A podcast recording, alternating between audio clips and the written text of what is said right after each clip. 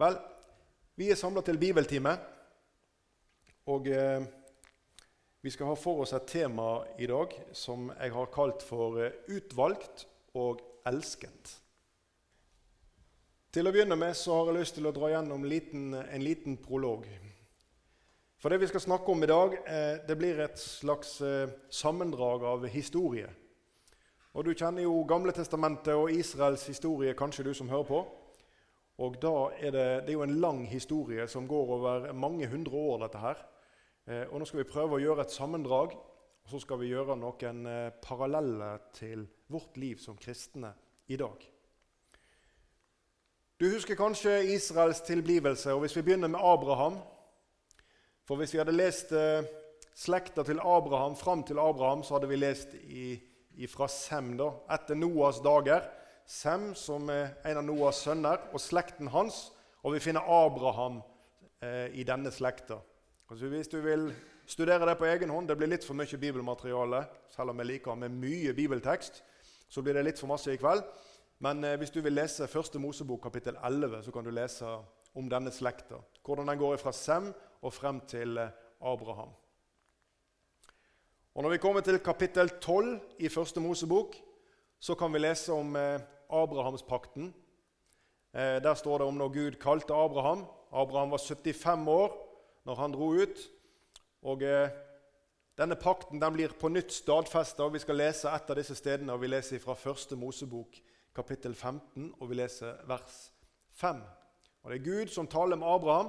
Han ber Abraham om dette. Han førte ham utenfor og sa.: Se nå opp mot himmelen og tell stjernene hvis du er i stand til å telle dem. Og han sa til ham, slik skal din ett bli. Dette er selve slektsløftet som Gud gav til Abraham. Han førte han altså utenfor, utenfor teltet sitt.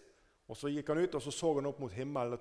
Så sa Gud til ham, tell stjernene hvis du er i stand til å telle dem. Og han sa til ham, slik skal din ett bli. Altså umulig å telle. Så kjenner vi eh, den videre historien. Gud han gav også Abraham da, i, dette, i, forbindelse med denne, den, dette løftet så gav han også Abraham et løfte om at han skulle få en sønn. Og For deg som eh, har regna litt på årstall når du, når du ser eh, denne delen av bibelhistorien, så vil du se at det går ca. 25 år ifra Abraham får kallet og oppdraget og pakten ifra Gud til Isak blir født. Abraham var 100 år. og... Eh, han ble altså kalt av Gud når han var 75. Etter elleve år hvis du hadde lest, så ser du at da kommer Ismael. Og så er det en egen del av bibelhistorien om, om Abraham, som får da trellkvinner til Sara, hans kone, som også til kone, altså Hagar.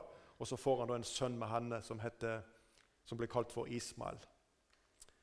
Men dette var ikke løftesønnen. Det var ikke denne Gud hadde knytta pakten til. Abraham han måtte vente i ytterligere 14 år før Isak blir født. Og så husker du kanskje at eh, Isak han fikk også sønner. Du husker Jakob og Esau, kanskje?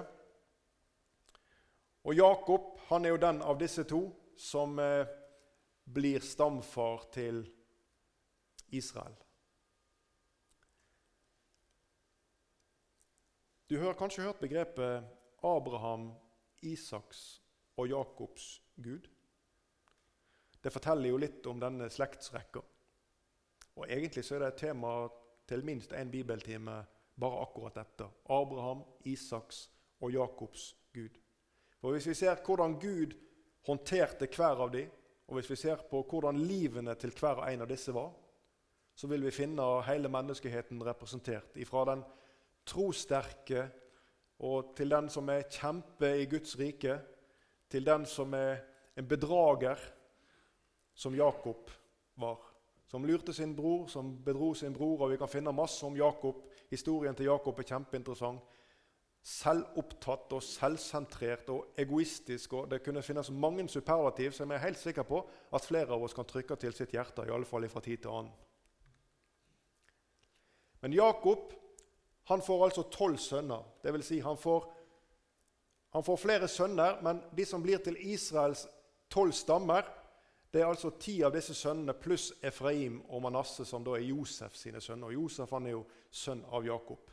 Også et veldig interessant eh, bibelstudie å se på sønnene, Jakobs sønner og se på hver og en av dem. Det skal vi ikke gjøre i kveld. Men dette er altså det som blir til Israels tolv stammer. Du kjenner kanskje historien og husker kanskje om denne sønnen Josef som jeg så vidt nevnte, som brødrene ville ta livet av.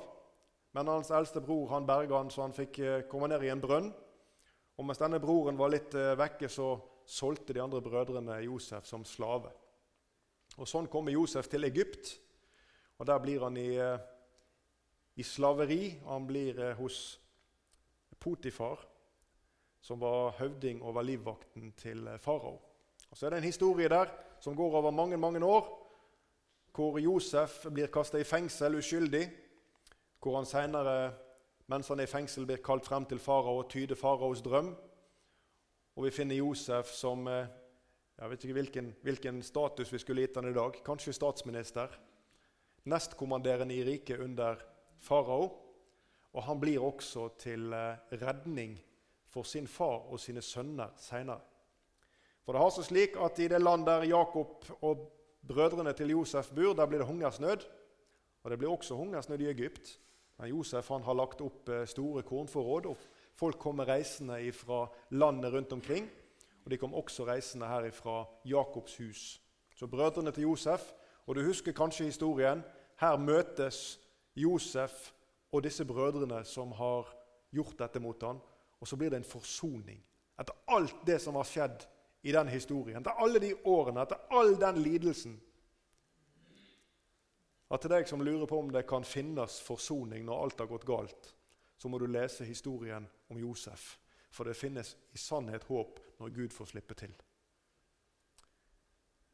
Når Josef og brødrene har møttes, så kalles Jakob og hele hans hus, Josef brødre, alle deres hustruer og barn, alle disse de drar da til Egypt. De er 70 mennesker i tallet, Jakob og hans hus når de da drar til Egypt. Og dette det blir til et stort, stort folk. Vi kan lese om Moses. Når han er under ørkenvandringen, så sier Moses ved et tilfelle at han har 600 fotfolk med seg. Da taler han om mennene som er med. Så hvis vi ser litt sånn, gjør en statistisk en sånn gjennomsnittsberegning, så har jeg lest litt rundt dette og ser at man beregner at Israel talte rundt to millioner mennesker idet de vandrer ut av Egypt. Det er nesten ja, nær på Norges, halve Norges befolkning som skal ut av Egypten. Et enormt folk. Og så kan vi minnes det Gud sa til Abraham. Men Gud han hadde forutsagt at dette folket som kommer til Egypt her, og som vokser til et stort folk, og så kommer det en ny farao, en som ikke kjenner historien, en som ikke kjenner Josef, en som ikke kjenner Jakob, en som ikke vet hvordan dette har seg. Og så ser de med bekymring på at Israel vokser og blir til et stort folk. Og For å holde dette folket nede, så ikke det skal bli opptøyer og de er redd for at de skal ta makten i Egypt, så gjør de dette folket til treller. Dette var forutsagt. Dette hadde Gud sagt til Abraham, og vi skal fortsette å lese litt i 1. Mosebok 15. Vi leser vers 13-14 pluss det 16. verset. Og Gud taler med Abraham, og vi leser. Og han sa til Abraham, du skal vite for visst at din ett skal bo som fremmede i et land som ikke er deres. De skal trelle for folket der, og de vil bli undertrykt og plaget i 400 år. Men jeg vil også dømme det folket som de skal trelle for, og deretter skal de dra ut med mye gods. Og så det 16. verset. I det fjerde slektsledd skal de komme tilbake hit? For ennå har ikke amorittene fylt sin ondskapsmål. Dette er et veldig spennende vers, og det, det har vi dessverre ikke tid til å veldig bore dypt i i kveld. Om de folkeslagene, om det som skjer når Israel kommer inn i det lovede land og tar for seg og utrydder folk og i det hele tatt. Dette det har en, en bibelsk historie. Dette handler ikke bare om at Israel skal ta seg til rette. Dette handler om Guds straffedom og amorittene er et av de folkene som skal utryddes her. Og vi ser her at Gud sier at i det fjerde slektsleddet Abraham, Da skal dette folket som skal bli dine etterkommere, de skal komme tilbake hit. Abraham er i det som er Kanan, når dette løftet blir gitt. For ennå, sier Gud, har ikke amorittene fylt sin ondskapsmål. Men det kommer en dag, og da skal Israel komme tilbake hit. Da skal amorittene få unngjelde for sin ondskap. Det talte Herren med Abraham om. Gud han taler til Moses. Du kjenner kanskje historien om Moses som ble, som ble født der i Egypt. Og Farao hadde i frykt for dette folket som vokste så voldsomt, så hadde han gitt beskjed om at alle guttebarn skulle drepes. Og Så husker du kanskje at eh, Moses' mor la han i en sånn sivkurv og satte han ut på elva på Nilen. Og Så er det at eh, denne faraos datter kommer og finner denne sivkurven og tar Moses hjem til slottet, til hoffet, og han blir som en prins i Egypt. Og Så skjer dette at eh, Moses han vokser opp og han ser sitt folk Israel, og hvordan de treller under farao. Og En dag så ser Moses en fangevokter og noen som slåss, og Moses han går imellom og han tar livet av denne. Dette blir kjent i Egypt. Det blir kjent for farao, og Moses han må rømme ifra Egypt. Her er veldig mange ting i denne historien her som vi skulle tatt med. Jeg håper du klarer å henge med ennå. Vi er ikke i mål. Og Der Moses lever i eh, utlendighet, rømt fra Egypt, så er han hos sin svigerfar Jetro. Og han eh, gjeter ute på markene som gjeter. Litt av en overgang fra prins i Egypt til gjeter på markene for sauene. Og En dag så skjer dette under. At Moses han ser denne brennende tornebusken, og så går han bort til denne busken. Og så taler Gud gjennom den brennende tornebusken til Moses. Og så kaller han Moses til denne gjerningen. Og Til deg som synes at eh, du er kommet for langt opp i alder til å begynne å gjøre tjeneste i Guds rike, se på Moses. Han var 80 år når Gud kalte han til dette oppdraget. Moses, du skal gå til Egypt. Du skal føre dette folket ut fra Egypten og til det land som jeg har lovt dem. Det skal du gjøre, Moses. Gud visste at Moses var 80 år, men han kalte han til denne tjenesten. Moses han protesterte veldig. og Interessant dialog han og Gud har der. Han var veldig uvillig, Moses. Men eh, Gud han sendte Aron, broren hans, og han skulle føre ordet for Moses. Så Gud han talte til Moses, og Moses formidlet til Aron, som formidlet til folket. Vi leser i første Mosebok eh, kapittel 3 og versene 7-8 der, når Gud taler til Moses ut fra tornebusken. Og Herren sa, 'Jeg har så vidt sett mitt folks nød i Egypt.' 'Jeg har hørt deres klagerop over slavefogdene, og jeg vet hva de lider.' Du som sitter her i arken, du ser at jeg har streka under noen ord her. Dette er litt viktig.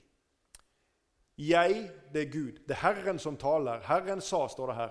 Jeg har så visst sett mitt folks nød i Egypt. Jeg har hørt deres klagerop over slavefogdene, og jeg vet hva de lider. Du, Dette det har ikke forandra seg. Gud ser fortsatt. Gud hører fortsatt de som roper til ham. Og Gud veit hva det gjelder i ditt liv.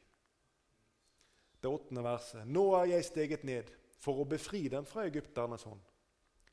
Jeg skal føre dem opp til et land, opp fra dette landet, til et godt og vidstrakt land, et land som flyter med melk og honning.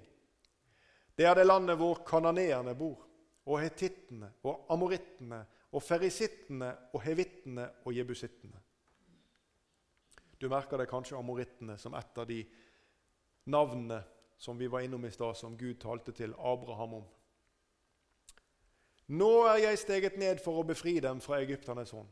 Jeg skal føre dem opp fra dette landet. Gud taler om det som skal bli oppfyllelsen av det løftet som han gav til Abraham. Så husker du kanskje hvordan det var. Moses og Aron de dro til Egypt, og de talte med farao mange ganger. Og farao han eh, protesterte. Og så kom, sendte Gud plager over egypterne. Ti plager. Og den siste av disse plagene den husker du kanskje spesielt når den førstefødte i alle familier skulle dø. Og så fantes det en utvei om dette blodet som skulle smøres på dørstolpene. Og når dødsengelen gikk gjennom Egypt, så så han dette blodet. Og der det var blod på dørstolpene, der gikk engelen forbi. Og Merk deg at denne dødsengelen den gikk gjennom hele Egypt, også Gosen, der Israel bodde. Iallfall det området hvor Jakob eh, ble bosatt når han kom til Israel. Nå var Israel blitt veldig stort, men denne dødsengel gikk gjennom hele Egypt. Derfor så var heller ikke Israel unntatt. De måtte ha blod på dørstolpene sine for at dødsengelen skulle gå forbi. Og Så har jeg hørt eh, mange si noe om akkurat dette. Det har vært sagt forskjellige ting, men det som er godt å trykke til et hjerte, det er at eh, blodet på dørstolpene det var nok til at dødsengel gikk forbi, uavhengig av hvilke følelser de hadde, de som satt på innsida. Om de var redde eller om de var trygge i den situasjonen. De hadde gjort det som Gud hadde bedt dem om. Å stryke blod på dørstolpene, og det var nok. Og så synger vi i sangen det er nok det som Jesus gjorde. Det er nok det som han har sagt. Han har sona de synd den store, og deg vunnet så rein ei drakt. Og det er nok. Det gjelder fortsatt. Så er det at Gud han tar vare på dette folket. Under hele vandringen til det landet som han har eh, lovt dem. De skal til Kanaan, de skal gjennom ørkenen. Og så er det at på veien her så kommer de ut for mange forskjellige ting. Ulike former for vanskeligheter. Og så er det at Gud han tar vare på dem hele veien. De mangler mat. Moses Vi leser 2. Mosebok, eh, kapittel 16, vers 4. Og Hør disse ordene som Gud sier til Moses. Og Husk på at Moses nå han er i det tørre ørkenlandet. Her er det ingenting. Da sa Herren til Moses.: Se, jeg vil la brød regne ned fra himmelen til dere. Folket skal gå ut og sanke for hver dag det de trenger. Det var vel en herlig beskjed å få, tenker du, for Moses som var leder for dette folket. Her klager dette enorme folket over omstendighetene og at de mangler mat. Og så skal Moses, lederen, han skal stå fram. Folkens, ta det helt med ro, for nå skal det regne brød ned fra himmelen. Vi snakker om ting som virkelig er hva skal jeg si, utfordringer i tro for Moses som leder. Og selv med de erfaringer Moses hadde gjort i Egypt Han hadde sett tårnebusken før han kom så langt. Han hadde sett Gud åpne Rødehavet. Prøv å relatere det til ditt eget liv. Hva har du sett Gud har gjort? Enten sjøl eller vært vitne til at Gud har gjort for andre. Og så kommer du til dette. Det som det gjelder akkurat nå, er det for vanskelig for Gud? Han som har gjort alle de andre tingene før, er det for vanskelig for Gud, det som gjelder akkurat nå? Ja, Du trenger ikke svare meg, men jeg tror at vi tenderer til å tenke at uh, dette er så annerledes. Vi tenderer til å ville forklare hvorfor det gikk så bra de andre gangene. Men akkurat nå så er det vanskelig. Nå er det annerledes. Du, Moses han ga folket denne beskjeden. At det skal komme brød ned fra himmelen, og så skal dere sanke for hver dag det dere trenger. Og Så var det noen regler rundt dette, og det skal vi ikke gå inn på nå. Når det gjelder klærne som de hadde på seg, Moses han reflekterer litt over vandringen som Israel har hatt når de er kommet frem til Jordan. I 5. Mosebok kapittel 8 og vers 4 så, så beskriver Moses hvordan vandringen har vært. Og Da sier Moses bl.a. dette.: Dine klær ble ikke utslitt, og din fot ble ikke hoven i disse 40 år. Mens de har vandra gjennom ørkenen, så har Gud tatt seg av dem. Han har sørga for at de har vært på fote. Han har sørga for at de har kommet seg frem, og han har sørga for at de har hatt klær på kroppen under vandringen. Han har gitt styrke, han har gitt mat, han har gitt drikke, og han har gitt klær, og han har gitt kraft. Alt som trenges til vandringen, det har Gud besørga. I ørkenlandet, for det er ingenting av de ressurser som finnes i ørkenlandet, som er med og bidrar til at folket kommer til det lovede land. Det er kun de ting som Gud gir på veien, som gjør at folket kan nå det lovede land. Men vi skal ikke se så langt inn i historien ifra de har gått gjennom Rødehavet og kommet litt lenger frem og kommet til Sinai. Og vi er fremdeles i andre Mosebok, kun kom til kapittel 32. Da leser vi om eh, at folket gjør seg en gullkalv. Det er rystende lesning eh, å se hvordan dette folket oppfører seg, hvordan de agerer i forhold til Gud, og også i forhold til Moses. Hele folket har på en måte sett og hørt. Hele folket har hørt lyden og sett røyken rundt Sinai når Herren taler og kaller Moses. Moses skal stige opp på fjellet, og folket skal bli igjen nede. Og Til tross for det de har opplevd, til tross for alle tegn og under, til tross for utfrielsen fra Egypt, til tross for Rødehavet, til tross for mange ting de har fått prist Herren for underveis, Og så klarer de ikke det at Moses er vekke. Hva skal vi nå gjøre? Nå er han borte, han som har ført oss hit. Jo, vi lager oss en, en gud. Vi lager oss en gullkalv. Og så står det at de tok alle ringene ut av ørene sine. Og så lot de Aron, ja, Aron, han som var Moses' høyre hånd, han som senere blir ypperstepresten Aron, han støpte en gullkalv. Og så feira folket, og så ofra folket. Og så sa de, 'Her er din Gud, Israel, som førte deg ut fra Egypt.' Moses sitt eh, gudsforhold ja, det blir òg utfordra av eh, Miriam, søstera hans, og Aron. Vi leser her fra 4. Mosebok kapittel 12 og vers 2. De sa, 'Er det bare Moses Herren har talt med?' 'Har han ikke også talt med oss?' Og Herren hørte det. Gud hadde sagt at han skulle tale til Moses, og Moses han formidla det Herren talte til Aron, og Aron talte til folket. Slik var denne forordningen. Men så er det altså sånn de opplever dette, og vi ser nesten misunnelsen. Er det bare Moses Herren har talt med? Har han ikke òg talt med oss? Og hvis vi hadde lest litt videre dette kapittelet her, For Herren han tar disse to til sides og taler de til rette. Og han sier til Moses taler jeg direkte. Men til en profet som dere, sier Gud om disse to, så er det annerledes.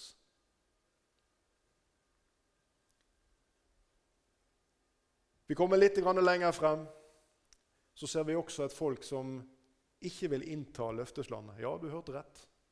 Som kommer til eh, Eskoldalen, og de sender speidere inn i det lovede land. Og de kommer tilbake igjen med, med frukter fra dette landet. Det landet som Gud har sagt at de skal innta. Det landet som de har vandra mot, det som har vært målet deres hele denne lange veien. Og så ser de at utfordringene de blir for store. De folkeslag som Gud har sagt at de skal utrydde, ja, de ser de nå på i forhold til egen kraft. Og da blir utfordringen for stor. Da blir de for mektige, og så vil de ikke gå inn. Så er folket ulydig. Og Vi leser 4. Mosebok kapittel 14 vers 4. Og de sa til hverandre.: La oss velge oss en høvding og vende tilbake til Egypt. Tenk det, sa de. De var kommet her til grensen. De hadde fått sett og smakt på landets frukter. Men de ville ikke høre på Josva og Caleb. De hørte på alle de andre sendebudene, og så ble folkets hjerter grepet av angst, og så gråt de, står det. Og så var de så fortvilte at de ville ikke lenger ha Moses til ledere. Så er det dette. La oss velge oss en høvding og vende tilbake til Egypt. Tilbake igjen til slaveriet. Tilbake igjen til de rammene som eh, den gang var. Vi finner en annen form for ulydighet, og nå går jeg igjennom noe av Israels ulydighet. Noen av de eventer som er under ørkenvandringen. Og Vi skal komme tilbake igjen til noen paralleller til dette etterpå. Vi finner Kora og hans tilhengere som vil ha del i presteskapet. Og Rent sånn slektsmessig så var ikke dette her helt sånn galt. For eh, noen av disse tilhengerne de var faktisk levitter og kunne ha hatt plass, men det var ikke tid for dette nå. Og De flokker seg sammen vi leser 4. Mosebok kapittel 16 og vers 3. De flokker seg sammen mot Moses og Aron og sa til dem, nå får det være nok. Hele menigheten er hellig, alle sammen. Og Herren er midt iblant dem. Hvorfor skal dere opphøye dere over Herrens menighet? Det vi ser her, det er forsøk på å skape et eh, demokrati. Ja, er det galt? Vel, i Guds rike så er det slik at det er teokratiet som råder. Det betyr at Gud er enehersker, og han sitter på toppen. Og han har noen utvalgte redskaper som han taler med, sånn at hans vilje kan skje. Slik har Gud laga det til.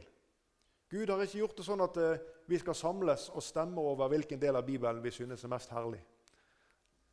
Gud han har satt mennesker i tjeneste til forskjellige ting, så også Moses og Aron. Og Vi finner at folk er trette med Moses og Aron i 4. Mosebok kapittel 20 og vers 3-5. Der leser vi og folket trettet med Moses og sa:" Og om vi var omkommet den gang brødrene våre omkom for Herrens åsyn. Hvorfor har dere ført Herrens menighet inn i denne ørkenen, så vi må dø her, både vi og buskapen vår? Hvorfor har dere ført oss opp fra Egypt, så vi er kommet til dette onde stedet, hvor det verken vokser korn eller fiken eller vintrær eller granatepler, og hvor det ikke finnes vann å drikke? Dette det sier et folk som er i ørkenen, men som ikke mangler noe. Gud har gitt dem vann ifra den tørre klippen. Han har gitt dem brød på marka hver dag. Han har sendt vaktler, sendt kjøtt til dem inn i ørkenen, så de kunne spise. Han har gjort tegn og under for dem. Hvorfor har dere ført oss opp fra Egypt, så vi er kommet til dette onde sted? De er trette på vandringen, og de klager på omstendighetene. De klarer ikke lenger å fokusere på det målet som Gud har gitt. Og I stedet så blir omstendighetene underveis overveldende. De klager faktisk over denne mannen som Gud har sendt dem. I 4. Mosebok kapittel 21 vers 5 så står det at de talte mot Gud og mot Moses og sa:" Hvorfor har dere ført oss opp fra Egypt, så vi må dø her i ørkenen? For her er verken brød eller vann, og vi er inderlig lei av denne usle maten. Tenk det. Til det brødet som Gud lot regne fra himmelen, som lå der kvitt på bakken hver dag så de kunne plukke det opp og spise det. Et næringsmiddel som ingen i denne verden har klart å lage verken før eller siden. Et næringsmiddel som dekker alle kroppens behov for mineraler og vitaminer. Et enkelt næringsmiddel. Og ikke bare det at det var så altomfattende at det ga alt det som kroppen trengte. Mennesket trengte ikke å lage noen ting. De kunne plukke det fra marka, for Gud hadde gjort det sånn. Vi er inderlig lei av denne usle maten. Moses han sier dette her om Israel, som vi skal lese nå, når han reflekterer litt over vandringen. Og hør i 5. Mosebok kapittel 9 vers 6. Så skal du vite, Moses taler til folket, så skal du vite at det ikke er for din rettferdighets skyld. Herren din Gud gir deg dette gode landet til eie. For du er et hardnakket folk.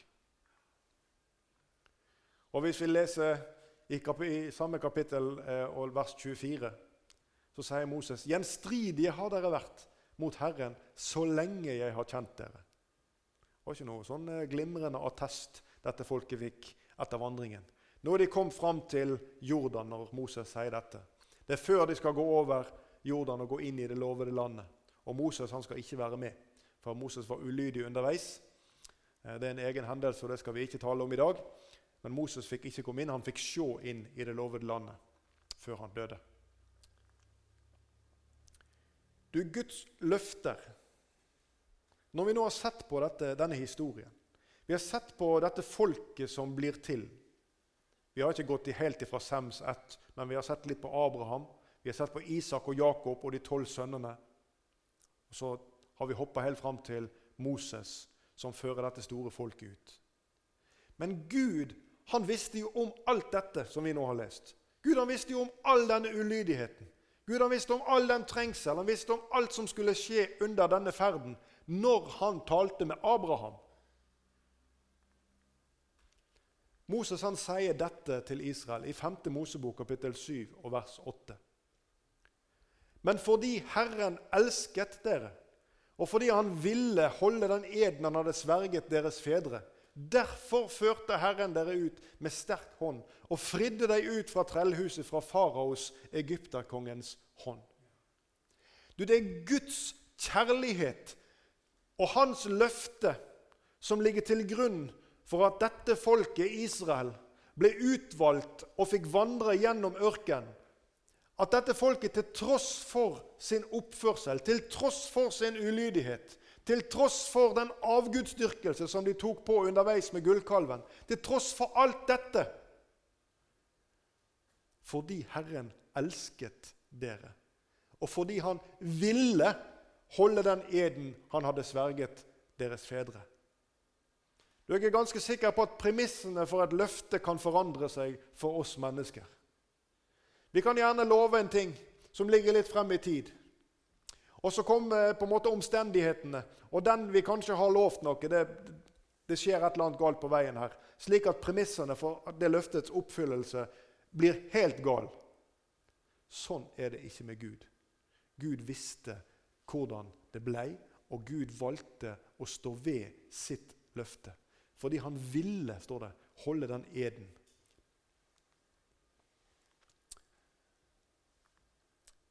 Gud visste òg om det som eh, skulle skje etter de var kommet inn i det lovede landet.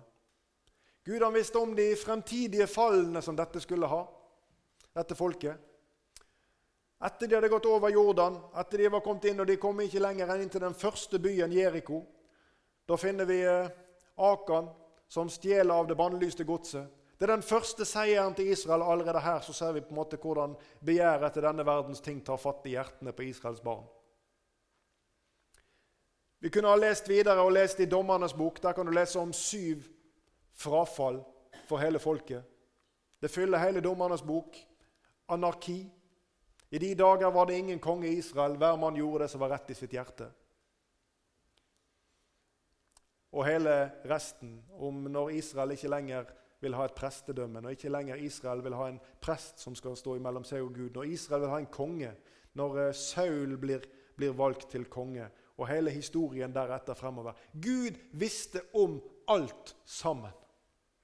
Likevel, fordi Herren elsket dere.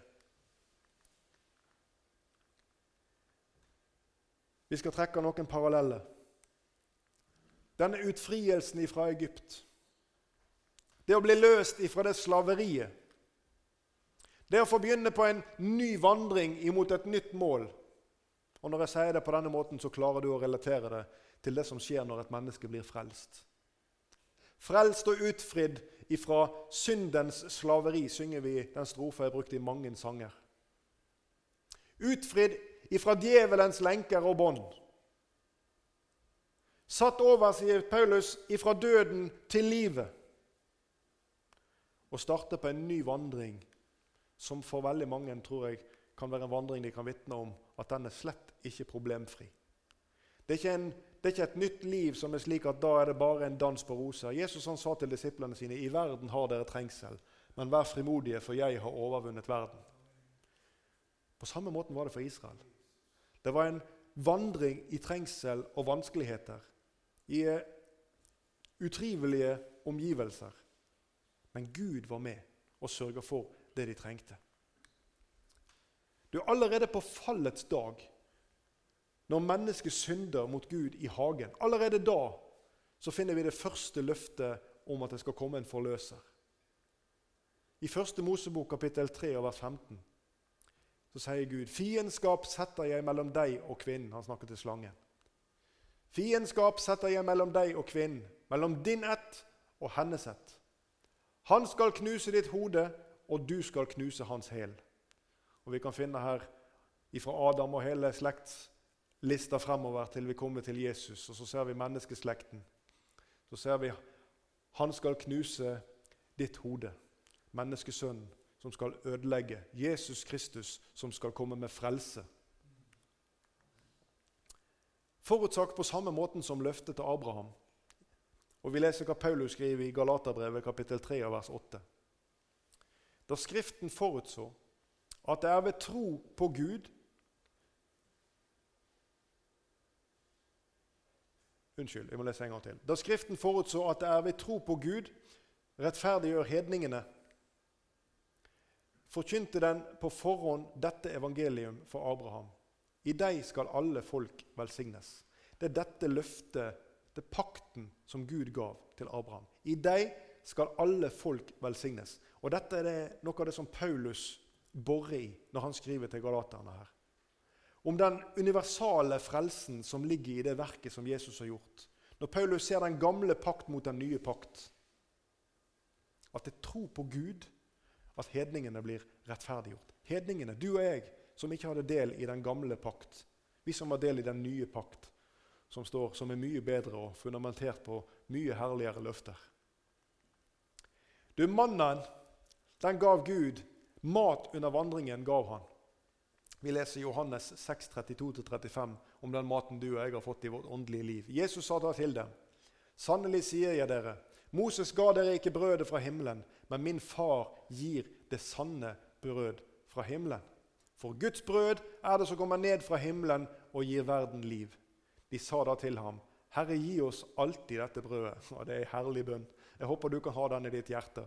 Herre, gi oss alltid dette brødet. Jesus sa til dem, Jeg er livets brød.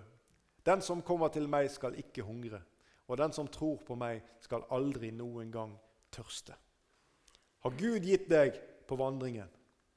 Og kledningen Vi leser om den i Galaterbrevet kapittel 3 vers 27. For dere, så mange som er døpt til Kristus, har ikledd dere Kristus. Jeg skal komme litt tilbake til akkurat det. Og i Lukas 24, 39. Og se, jeg sender over dere det som min far har lovt. Men dere skal bli i byen til dere blir ikledd kraft fra det høye. Dine klær ble ikke slitt, og din fot ble ikke hoven. Både kledning og styrke. Og det leser du om her. Kledning og styrke. Og Uten å gjøre en for stor eh, digresjon så skal vi se på parallellen til disse plankene som selve tabernaklet er bygd av. Du finner 48 planker som på en måte danner reisverket under teltet tabernaklet. Og Det er dekka til med flere lag med teppe over med forskjellige farger. Dette tror vi har hatt bibeltimer om før. Vi skal kort repetere at disse plankene de er lagd av akasietre som vokser i ørkenen. Som er på en måte et bilde på Jesu menneskelighet, at han var sant menneske og sann Gud. Og Gud han tar og bruker dette som er i verden, tar det vekk fra den roten som er festa nedi der, og så tilpasser han det til mål og størrelse. Fem meter høy og 75 cm brei, hvis du er spesielt interessert. disse plankene. Og så kler han de med gull.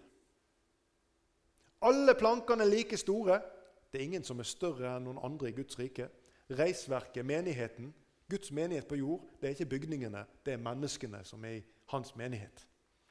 Det er det som utgjør Guds menighet. Alle disse er like store, står ved siden av hverandre.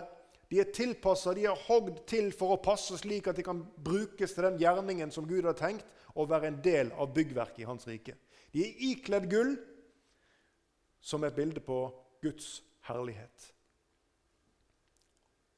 Og Da kan du lese i Kolosserbrevet og lese om eh, hvordan vi er hellige og ustraffelige. Og, ja, det er helt fantastisk hvilken tilstand vi har fått, vi som før var i synden. Du som har tatt imot Jesus. Ikledd i gull og innfesta i sølv. Det ble laga noen sånne sølvlodd som sto ned i ørkensanden. Så hver av disse tre stykkene som er kappa av den roten som fikk forsyning fra verden, den er nå tilpassa. Den er ikledd gull, og den blir sittet i sølv som et bilde på løsepengen. Atskilt fra denne verden. Ikke planter nede i ørkensanden eller noe annet i denne verden, men atskilt fra denne verden vil løse pengen, som et bilde på det Jesus gjorde. Jesus han visste at du og jeg kom til å synde. Like som Gud visste om alt som kom til å skje med Israel. Helt ifra han ga løftet til Abraham. Ja, helt ifra begynnelsen av. Helt ifra før begynnelsen. For nå skal du høre. Vi synger i en sang. Så synger vi denne strofa. Du visste alt om meg før du meg kalte, og ga meg plass ved nådens rike bord. Tygg litt på det. Du visste alt om meg før du meg kalte. Det betyr at Gud visste alt som du hadde gjort og tenkt og sagt den dagen når Gud frelste deg. Men Gud visste mer. Han visste alt som ligger fra den dagen og like til din livstråd er over. Til den er slutt. Gud visste alt som kom til å møte, som kom til å inntreffe i ditt liv. Alle de ting hvor du kommer til å forgå deg i forhold til det som han krever av deg. Det visste Gud om. Og alt sammen det tok han inn i en herlig frelsespakke. Og så tilgir han deg i fortid og i fremtid. Kan dette være bibelsk? Hvordan løses denne stadige tilsølingen av troslivet sånn i et frelsesperspektiv? Jeg husker da jeg var ung, så var det et sånn aktuelt spørsmål. At eh, Når vi synder, da Tenk hvis Jesus kommer igjen akkurat når jeg har sagt noe galt. Hva skjer da? Og så husker jeg Vi diskuterte og samtalte om dette. her. Hvordan kan dette foregå? Du, og her så har denne her, eh, Den gamle pakt den har eh, noen herlige bilder for seg. Det som foregår der i forgården ut forbi tabernaklet. For det er ikke sånn at vi stadig må frelses på nytt. er det det? Når du har tatt imot Jesus, så skjer det som skjedde når, når et av Israels barn kom inn gjennom porten. I, uh, inn i forgården. Disse teppene som hang der. En åpning med ti meter bredde, så det var lett å komme inn for de som ville det. Ingen tunge porter, bare noen tepper. Inn der, og der står presten og venter. Så kommer de med offerdyret, så går de bort til brennofferalteret. Og så skjer dette her vidunderlige bildet. At presten han legger hånda på offerdyrets hode. Og så bytter skylda plass. Bare, bare, bare, tenk på det, hva som skjer her nå. Når presten han legger hånda på dette offerdyret, så bytter disse to plass. Synderen og offerdyret de bytter plass. Og offerdyret blir skyldig, og synderen går fri. Så skjer dette offeret for synden på brennofferalteret. Og så er synden oppgjort. Men dette var jo et offer som stadig måtte gjentas. Og det leser vi om i Hebreabrevet, at sånn er det ikke med Jesu offer. Han har ofra én gang for alle. Og Bibelen sier at det er ikke lenger tilbake noe offer for synd. Så hvordan passer da dette bildet? Jo, Bibelen lærer oss at du og jeg som tror på Jesus, vi er prester. Prester for Herren, prester for Jesus. Han represent, hans representanter, tjenere i Hans rike. Og du skjønner, Prestene de kom litt lenger enn inn til brennofferalteret. De bevegde seg lenger frem. De bevegde seg frem til det neste punktet, som er renselseskaret. Og renselseskaret folkens, det er på en måte et tema som jeg opplever er lite fokus på i dag. Renselseskaret det er den stadige omgangen med Guds ord. Der foregår renselsen. Du, Alteret, når du kommer inn, det sier til deg at offeret er gjort. Du er frelst. Offeret er gjort en gang for alle. I alt det du gjør og skitner deg til på beina, så er det når Jesus, som når Jesus vasker føttene på disiplene. Du må bort til dette renselseskaret før du kan gå inn i det hellige og gjøre tjeneste der i det tabernaklet for å bli i bildet. Før du kan få gjøre den tjenesten, så må du ha omgang med ordet for å få vaska vekk det som denne verden har tilsølt deg med. Så det er ikke slik at du må frelses på nytt hver gang du har tenkt eller sagt eller gjort. Jesu frelse og tilgivelse den gjelder for deg. Du trenger å bekjenne og være i ordet, så er du rensa. 1. Johannes kapittel 2 vers 1-2. Mine barn, dette skriver jeg til dere for at dere ikke skal synde. Jaha, Men vi leser videre. Og hvis noen synder, så har vi en talsmann hos Faderen. Jesus Kristus den rettferdige. Halleluja. En talsmann, et stadig offer. En talsmann som ikke bare kan gå og si at 'ja, dette skal jeg gjøre opp'. Nei, dette har jeg gjort opp. Dette er betalt. Dette er ferdig. Derfor så leser vi om Jesus at han har for alltid satt seg ved Faderens høyre hånd. Det fantes ingen stol i det aller helligste i den gamle pakt. Det var ikke noe sted hvor ypperstepresten kunne sette seg ned og hvile på det som var gjort. Det var et stadig offer. Men hos Jesus, i det aller helligste, det som ikke er reist med menneskehender, leser vi i Hebreabrevet, der finnes det en stol. Jesus har satt seg ned, for offeret det er fullbrakt. Det er ferdig. Og han er, står det, og det er så herlig å lese dette verset, for det står i presens. Og han er en soning for våre synder. Og det er ikke bare for våre, men også for hele verden. Tenk på det når du kjenner deg dømt i ditt hjerte. At Jesus er en soning for din synd. Alltid. Vi skal lese Efeserbrevet kapittel 1 vers 3-7 om Guds frelsesplan. Lovet være Gud, vår Herre Jesu Kristi Far, Han som har velsignet oss med all åndelig velsignelse i himmelen i Kristus. For i ham har Han utvalgt oss, og hør når det skjedde, før verdens grunnvoll ble lagt. La meg få spørre deg igjen. Visste Gud om at du og jeg kom til å synde? Du, Han hadde tenkt ut denne frelsesplanen før denne verdens grunnvoll ble lagt. For at vi skulle være hellige og ulastelige for Hans åsyn. I kjærlighet har Han forutbestemt oss til å få barnekår hos seg ved Jesus Kristus, etter sin frie viljes råd, til pris for sin nådes herlighet, som Han gav oss i den elskede. I ham har vi forløsningen, ved hans blod, syndenes forlatelse etter hans nådes rikdom. Du Har du og jeg noen fellesnevnere med Israel? Finnes det paralleller i det vi har lest? Har vi fellesnevnere i forhold til dette folket som stadig forgår seg, men som Gud likevel elsker? Vi har nettopp lest at du er utvalgt i Kristus, og det skjedde før denne verdens grunnvoll ble lagt. Det var forutbestemt. Gud gjorde det etter eget, sin egen frie viljes råd. Og du var inkludert når Gud ga pakten til Abraham, når han sa at i deg skal alle folk velsignes. Du, Til Israel så sier Gud dette. Vi leser i 5. Mosebok, kapittel 9-6. Vi repeterer dette verset. Så skal du vite at det ikke er for din rettferdighets skyld Herren din Gud gir deg dette gode landet til eie, for du er et hardnakket folk. Og til oss så sier Gud, og vi leser i Efeserbrevet kapittel 2, vi kan ta med vers 8 òg, for av nåde er dere frelst ved tro. Og det er ikke av gjerninger, for at ikke noen skal rose seg. Til Israel så sier Gud dette i 5. Mosebok 7,8. Men fordi Herren elsket dere, og fordi Han ville holde den eden Han hadde sverget deres fedre, derfor førte Herren dere ut med sterk hånd og fridde deg ut av trellehuset fra faraos, egypterkongens hånd.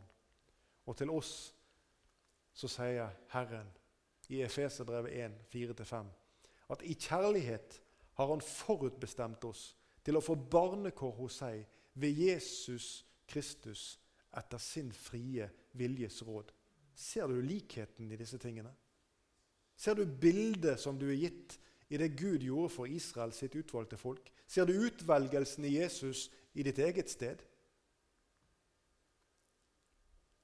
Vi tar med noen superlativer om dette folket i Israel. Uvillige, sviktende, klagende, fallende, ulydige, tvilende, og så må jeg få spørre deg passer noen av disse tingene på deg? Når Herren kaller deg til tjeneste, tar du en Moses da? Send noen andre istedenfor? Eller svikter du når motstanden blir for stor, når frimodigheten svinner hen, du skulle ha sagt noe og ikke gjorde det? Eller klage? Eller faller du kanskje av og til? Er du ulydig av og til? Jeg tror at vi kan trykke til vårt hjerte disse ordene. Og like som vi har lest om Israel og alle deres fall og feil og mangler gjennom denne vandringen, og i årene etterpå, så tror jeg at vi kan si at noe av dette det passer også på våre liv når vi skal leve for Jesus. Dessverre. Men likevel. Likevel så lot Gud skrive disse ordene i Johannes 3, 16. For så har Gud elsket at han gav sin sønn den enbårne for at hver den som tror på ham, ikke skal gå fortapt, men ha evig liv. For så har Gud elsket. Det var det som skjedde for Israel, og det er det som skjer for deg. Og det er Gud som elsker. Det er ikke du som har gjort deg elskelig. Det er ikke du som har skapt deg om eller gjort eller fortjent Guds kjærlighet. For Gud har elsket til tross for. Og denne frelsesplanen den hadde altså Gud tenkt ut for deg før denne verdens grunnvoll ble lagt. Og du, Jesus, han vet om alt i livet ditt. Du som kanskje tenker at eh, vet om alle de tingene som er der inne, og skulle gjerne ha rydda opp litt først. Ja, da kom på avstand fra Jesus, kanskje. Og tenker at eh, jeg må få rydde opp i noen ting her, og så skal det bli bra igjen. Da skal jeg få komme inn igjen i Jesu nærhet. Du, Jesus, han vet det. Han vet om hvordan du har det. Han vet om hvordan det ser ut inne i ditt hjerte. Han vet om det som du opplever som kanskje er uoppgjort, og som du gjerne ville ha gjort noe med. Han vet det òg. Og så har jeg litt sånn, et litt sånn kuriøst bilde her som jeg har henta fra, en veldig eh, artig side på Internett, som har noen gode illustrasjoner. Og som egentlig beskriver ganske godt hvordan vi kan ha det.